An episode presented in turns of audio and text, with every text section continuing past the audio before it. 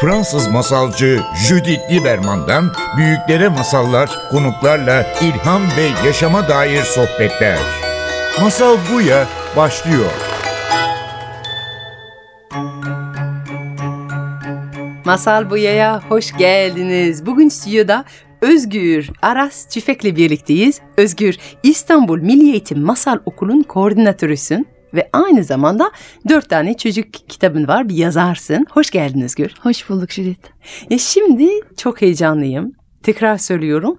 Masal Okul'un koordinatörüsün ve bu bizim Milli Eğitim'in böyle bir okulu var artık çok yeni. Hatta şu an boya yapılmakta. Evet. Yani çok yeni küçücük bir binanız var. Hatta biraz masala benziyor bu. Çünkü sizin minik masal okulu bir koru ortasında, İstanbul'un ortasında bir orman var.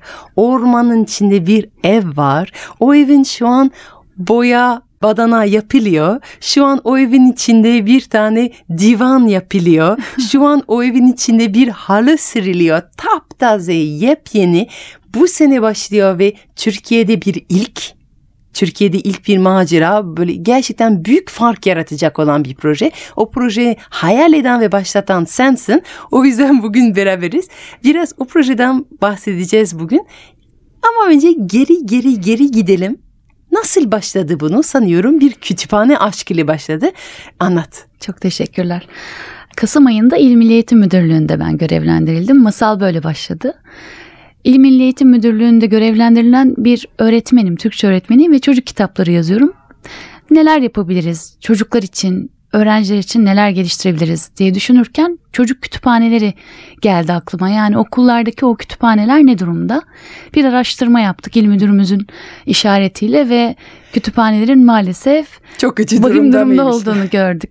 Sonra kolları sıvadık. Öğretmenlerle birlikte ilçelerde yeni kütüphaneler açmaya başladık ama bu kütüphaneler yeni anlayışla böyle renkli, çocukların gidebileceği, severek gideceği cazibe merkezleri olsun istedik. Ya bu çok önemli bir konu gerçekten yani kütüphaneler, okuldaki kütüphaneler sanki her gün biraz konuştuğumuz bir şey yani sağ sol herkes diyor ki haydi gidelim bu okulda bir kütüphane kuralım. İşte insan diyorlar ki köy okullarda kütüphane yok.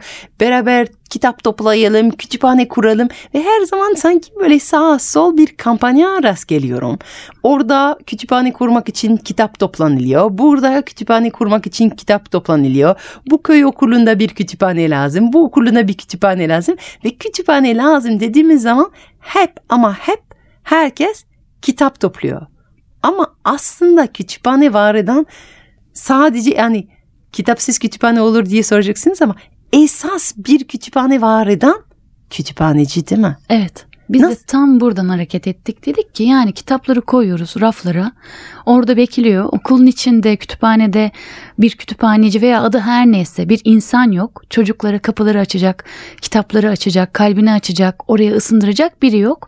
E böyle olursa istediğimiz hayal ettiğimiz bir kütüphane olmuyor. Kütüphanede hayat var dedik ama hayat olmuyor o şekilde.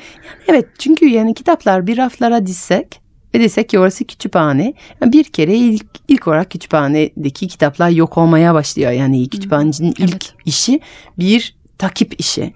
Ama ondan sonra çocuklara heves var etmek, yaratmak. Ben hala hatırlıyorum. Bursa Belediye'nin kütüphaneleri var. Çok güzel kütüphaneleri. Ve Misi köyünde onların bir çocuk kütüphane var. Oraya gitmiştim. Ve oradaki kütüphaneciler çok canlı, çok heyecanlı kütüphaneciler ve bana anlatmışlardı.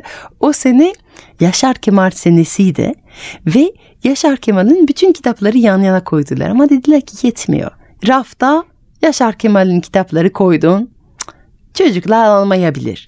Üstüne evet bu sene Yaşar Kemal senesi diyorsun. Haydi okuyun okumayabiliyorlar. İşte orada renkli bir pano yapıyorsun, güzel e, cazibe yaratıyorsun. Cık, olmuyor. Ama diyor ki çocuklar geliyorlar onları oturtuyorum ve onlara Yaşar Kemal'den bahsediyorum. Onlara kim olduğunu, ne yaptığını, neler yazdığını, ben okuduğum zaman neler düşündüğümü hepsini anlatıyorum diyor. Çocuklar diyor dördüncü dakikadan itibaren rafı görmeye başlıyorlar ve titremeye başlıyorlar diyor. Ama kalkamıyorlar. Anlatmaya devam ediyorum, anlatmaya devam ediyorum. Hala dinliyorlar ama artık heyecandan diyor yani. İştah açtı. Sonra bitiriyorum Yaşar Kemal konuşmamı. Bütün çocuklar koşuyorlar. Raftaki kitapları öyle alıyorlar. Sanki zannedersin ki fırından çıkan sıcak ekmek gerçekten. Öyle ellerine alıyorlar ve o zaman okuyorlar. Çünkü yani çocuğa gerçekten heyecan uyandırmadan kitap koyabilirsin açmayabilir. Yani bu kıvılcım lazım. Bir kitap açtıracak ve son sayfaya kadar bitirecek. Onu kütüphaneci yaratır ve özel bir kütüphaneci, özel eğitimleri almış olan bir kütüphaneci. Bu herhangi bir öğretmen değil. Kütüphaneci kitap sevdiren öğretmen. Çok özel bir ünvan değil mi? Bu anlattığının aynısını böyle bir sahneyi biz yaşadık. Kasım ayında kütüphanelerde Hayat Var projesiyle okullarda masal anlatmaya başlayalım ve kütüphane modelimizi de ortaya koyalım dediğimizde iki arkadaşımız Üsküdar'da bir okul kütüphanesinde Dede Korkut masalı anlattılar. Üçüncü sınıf çocuklardı zannediyorum üçüncü sınıfa giden. Hikayeyi dinledikten sonra arkadaşımız dedi ki bakın bu raflarda Dede Korkut kitabı var. Bir koşuşları vardı o kitaba doğru yani sen dedin sıcak ekmek yani sanki böyle şeker dağıtılıyor gibi elden ele kapıştı. Aa burada Dede Korkut varmış falan. Ellerini aldılar ve karıştırmaya başladılar. Dediğin çok doğru. Yeni bir anlayışla yeni kütüphaneler için bir kütüphane öğretmeni ya da öğretmenin çok ötesinde daha engin, daha sanatsal dokunuşları olabilecek birinin orada olması gerekiyor. E, biz de bu projeyle bunu hayal ettik. Ve siz dediniz ki aslında bu kişi, bu kütüphaneci sadece bir kütüphaneci değil, bir sanatçı ve bu sanatçı bir masalcı olmalı dediniz. Evet. Ve orada çıktı bizim masal okul İstanbul Masal Tohumlar. Okul oradan doğdu aslında. Evet. Yani bu kütüphanecileri sadece herhangi bir kütüphaneci değil, bizi masalcı lazım dediniz ve onları evet. yetiştirelim. Evet. Evet. O... Sonra bir yokladık. Bakalım İstanbul'da masalcı öğretmen ne kadar var? Çünkü arkadaşlarımız kendi başlarına farklı ilçelerde bunu yapmaya çalışan arkadaşlardı zaten. Sonra onlarla toplandık. Neler yapabiliriz? Nasıl ilerletebiliriz? Öğrenmek isteyenlere nasıl anlatabiliriz? Başka öğretmenler de bize çünkü biz de öğrenmek istiyoruz, masal anlatmak istiyoruz. Bunun tekniği nedir, yolu nedir, yordamı nedir diye sormaya başladılar. Ve bir sistem kurduk. Bir 80 ders saatlik. Bir tarafında öğretmen anlatıcıların deneyim paylaşımlarını yaptığı bir tarafında da işin duayenlerinden, akademisyenlerinden, bu işi iyi bilen hocalarımızdan bir sistem geliştirdik. 80 ders saati il müdürümüzün bize açtığı kapıdan hareket ederek, yürüyerek cumartesi günleri buluşup okul dışında kendi tatil günümüzden feragat edip orada buluşup 8 saat masal nasıl anlatılır üzerine kurduğumuz sistem üzerinden ders görmeye ve çemberde buluşmaya başladık. 50 öğretmene 10 hafta boyunca burada eğitim verdik. Evet ve artık bu eğitimler oldu ve tabii ki çok ses de getirdi. Evet. Milli Eğitim Bakan bile geldi sizi görmeye evet. ve biliyorum ki o da orada bir masal anlattı evet. değil mi? Ne masal anlattı çok merak çok, ediyorum. Çok güzeldi. Bakanımız tevafken orada bulunuyormuş. Valide Bağ Korusu'nda bizim masal okulumuz Üsküdar'da. İstirahat ediyormuş. Orada bir takım görüşmeleri falan varmış. Duyunca hemen geldi çemberimize dahil oldu. 50 öğretmenimizin tek tek elini sıktı ve siz ne yapıyorsunuz burada dedi. Biz masal anlatıyoruz, bildiklerimizi paylaşıyoruz dedik. O da oturdu çemberimize ve bize bir Azeri masalı anlattı. Zannediyorum anneannesinden duyduğu bir Azeri masalını anlattı ve çok da güzel anlattı. Hakikaten etkilendik biz. Bütün teferruatına kadar hakimdi çocukluğunda dinlediği bir Sen masalmış. şimdi orada Şoksun değil mi? Şok. Evet fotoğraflara bakıyorum yüzüm gözüm bir tuhaf. Yani nasıl oldu? Nereden geldi? Nasıl haberi oldu? Çok güzel bir sürprizdi bizim için. Çok mutlu olduk. İlk dersimizde bakanımız konuğumuz oldu. Ve sonra aktı gitti yol. 50 öğretmen yetişti ve bu 50 öğretmen hep birlikte 10-15 tane masal anlatıcısı öğretmenimiz vardı zaten bu eğitimleri almış. Hep birlikte ilçelerdeki kütüphanelere ben çıkartma yapmak diyorum. Masal çıkartması yapmaya başladık. Aldık İstanbul Masal Okulu teflerimizi elimize ve gittik oralarda çocuklara masal anlattık. Kütüphanenin yerini gösterdik, kitapları gösterdik. Bazı çocuklar bu süreçte kütüphanenin yerini öğrendiler. Bazı okul kütüphanelerinin anahtarı kayıpmış o bulundu. Evet çok ilginç hikayeler var. Bir arkadaşımız aradı masal anlatacağı okulun. Şey yokmuş, anahtarı yokmuş. Başka bir okul seçebilir miyim hocam diye bana ulaştı. Hayır, bilak istedim o okulun kütüphanesinin anahtarını buldur. Hatta yedeklet başka öğretmenlere de ver. O kapı artık açık olsun. Kapalı evet olmasın. içinin gir çağrılır değil mi Kırdırın yani? dedim gerekirse. Aynen böyle söyledim. yani ay çok ilginç gerçekten. Demek ki yani bizim kütüphanelerimiz demek ki bu durumda yani. Bazı Maalesef. kütüphaneler var. Anahtar yok. Kapı var. Anahtar yok. Bu da masaldan çıkmış bir e, cümle gibi değil mi? Evet, Yani kapısı Masalla var. açtık ana Evet. kapıları biz. Masal Evet. anahtar oldu bizim için kütüphanelerin kapısını açan. Ve ardı ardına kütüphaneler açılmaya başladı. Bir taraftan da il müdürlüğümüzün hatta bakanlığımızın telefonları, mailleri susmuyor. Biz de eğitim istiyoruz ve inanılmaz bir insanların isteği, masala koşuşu, öğretmenlerin ne kadar buna ihtiyacı olduğunu gördük. Biz bu masal anlatıcılığı eğitimlerinde e, maksadımız çocuklara masal anlatacak öğretmenler yetiştirmekti. Aslında biz çemberde bir araya geldiğimizde şunu gördük ki bizler de kendi masalımıza ne kadar yabancıyız ve öğretmenlikle ilgili heyecanımızın bu çemberlerde alevlendiğini gördük, heyecanlandık. Kendimizle kurduğumuz bağ güçlendi çünkü. Aslında hayal kuran öğretmenler buluşuyor senin okulunda değil mi? Evet. Yani ben farklı, ben daha fazlasını yapmak isteyen bütün öğretmenler koştu bence bu masal okula. Evet evet Yani- bakanımız hatta çok komik bir ifadede bulundu bizi görünce böyle biraz da sohbet edince siz tırnak içinde arıza mısınız dedi.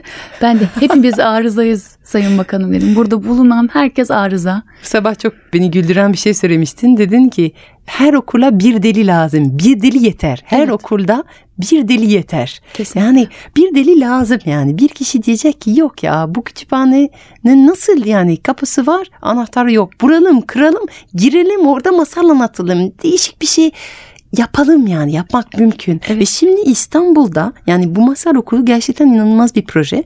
Yani koordinatör oldun artık. Çünkü bakan sizi gördü, sizi çok sevdi. Dedi ki madem siz burada bu e, koro içinde bu küçük evde buluştunuz. Bu ev sizin olsun. Evet. Yani o aslında başta projede yoktu. Sadece bir eğitim verecektiniz. Evet. Ama birden size bir mekan verildi.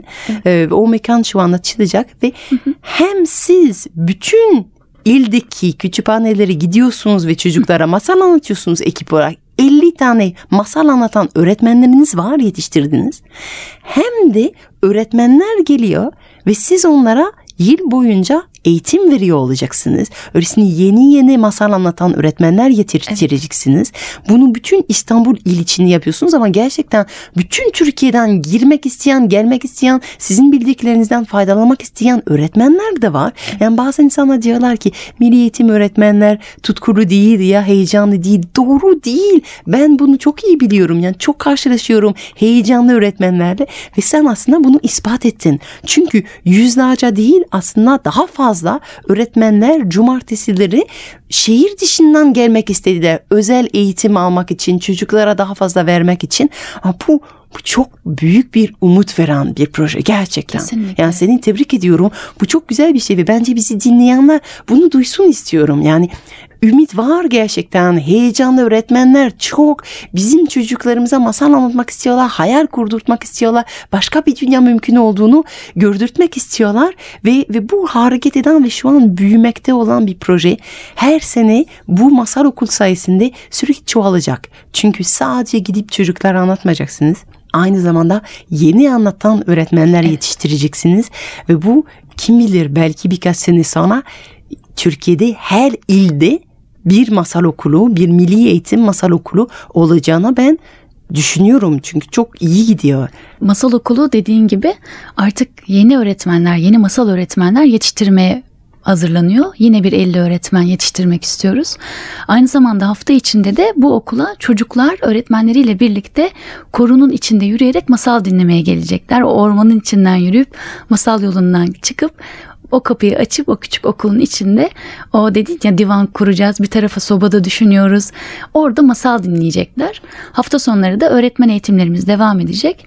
Aynı zamanda bakanlığımızın da Anadolu Masalları projesi var ve bu projeyle e, bir haftalık hizmet içi eğitimlerle de masal anlatıcılığı eğitimi bütün Türkiye'de yaygınlaştırılmak isteniyor. Ama tabii bir okulun, bir sabit okulun olması bambaşka bir şey olur. Bir sürecin içine yayılmış eğitimin olması her ilde. Ee, Başka illerden de bizi arayanlar bu projeyi tekrar kendi illerinde uygulamak isteyen ilçe milli müdürlükleri de oldu.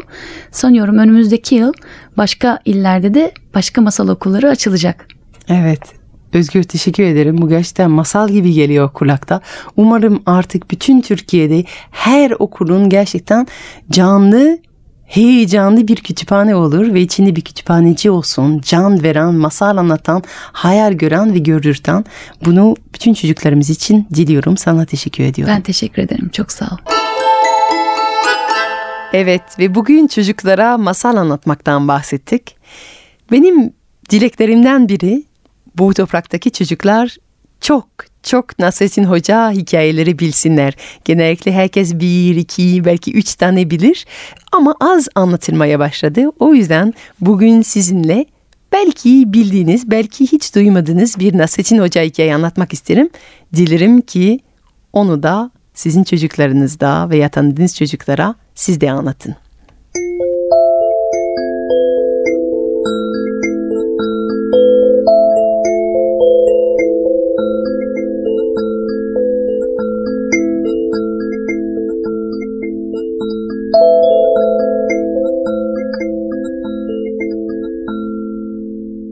Nasrettin Hoca yine bir iş peşindeymiş.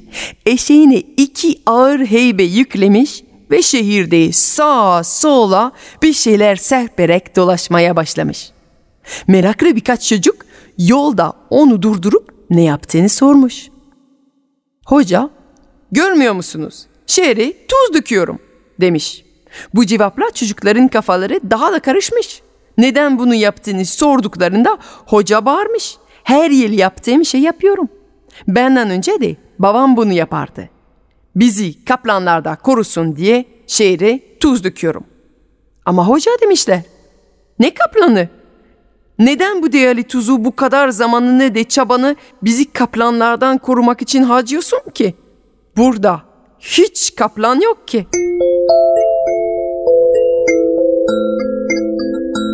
Doğru demiş hoca. Bu şehirde bir tane bile kaplan görülmedi.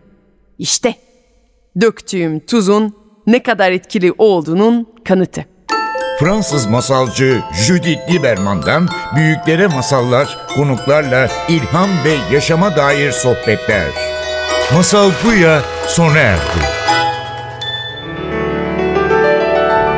Programın tüm bölümlerini ntvradio.com.tr adresindeki podcast sayfamızdan dinleyebilirsiniz.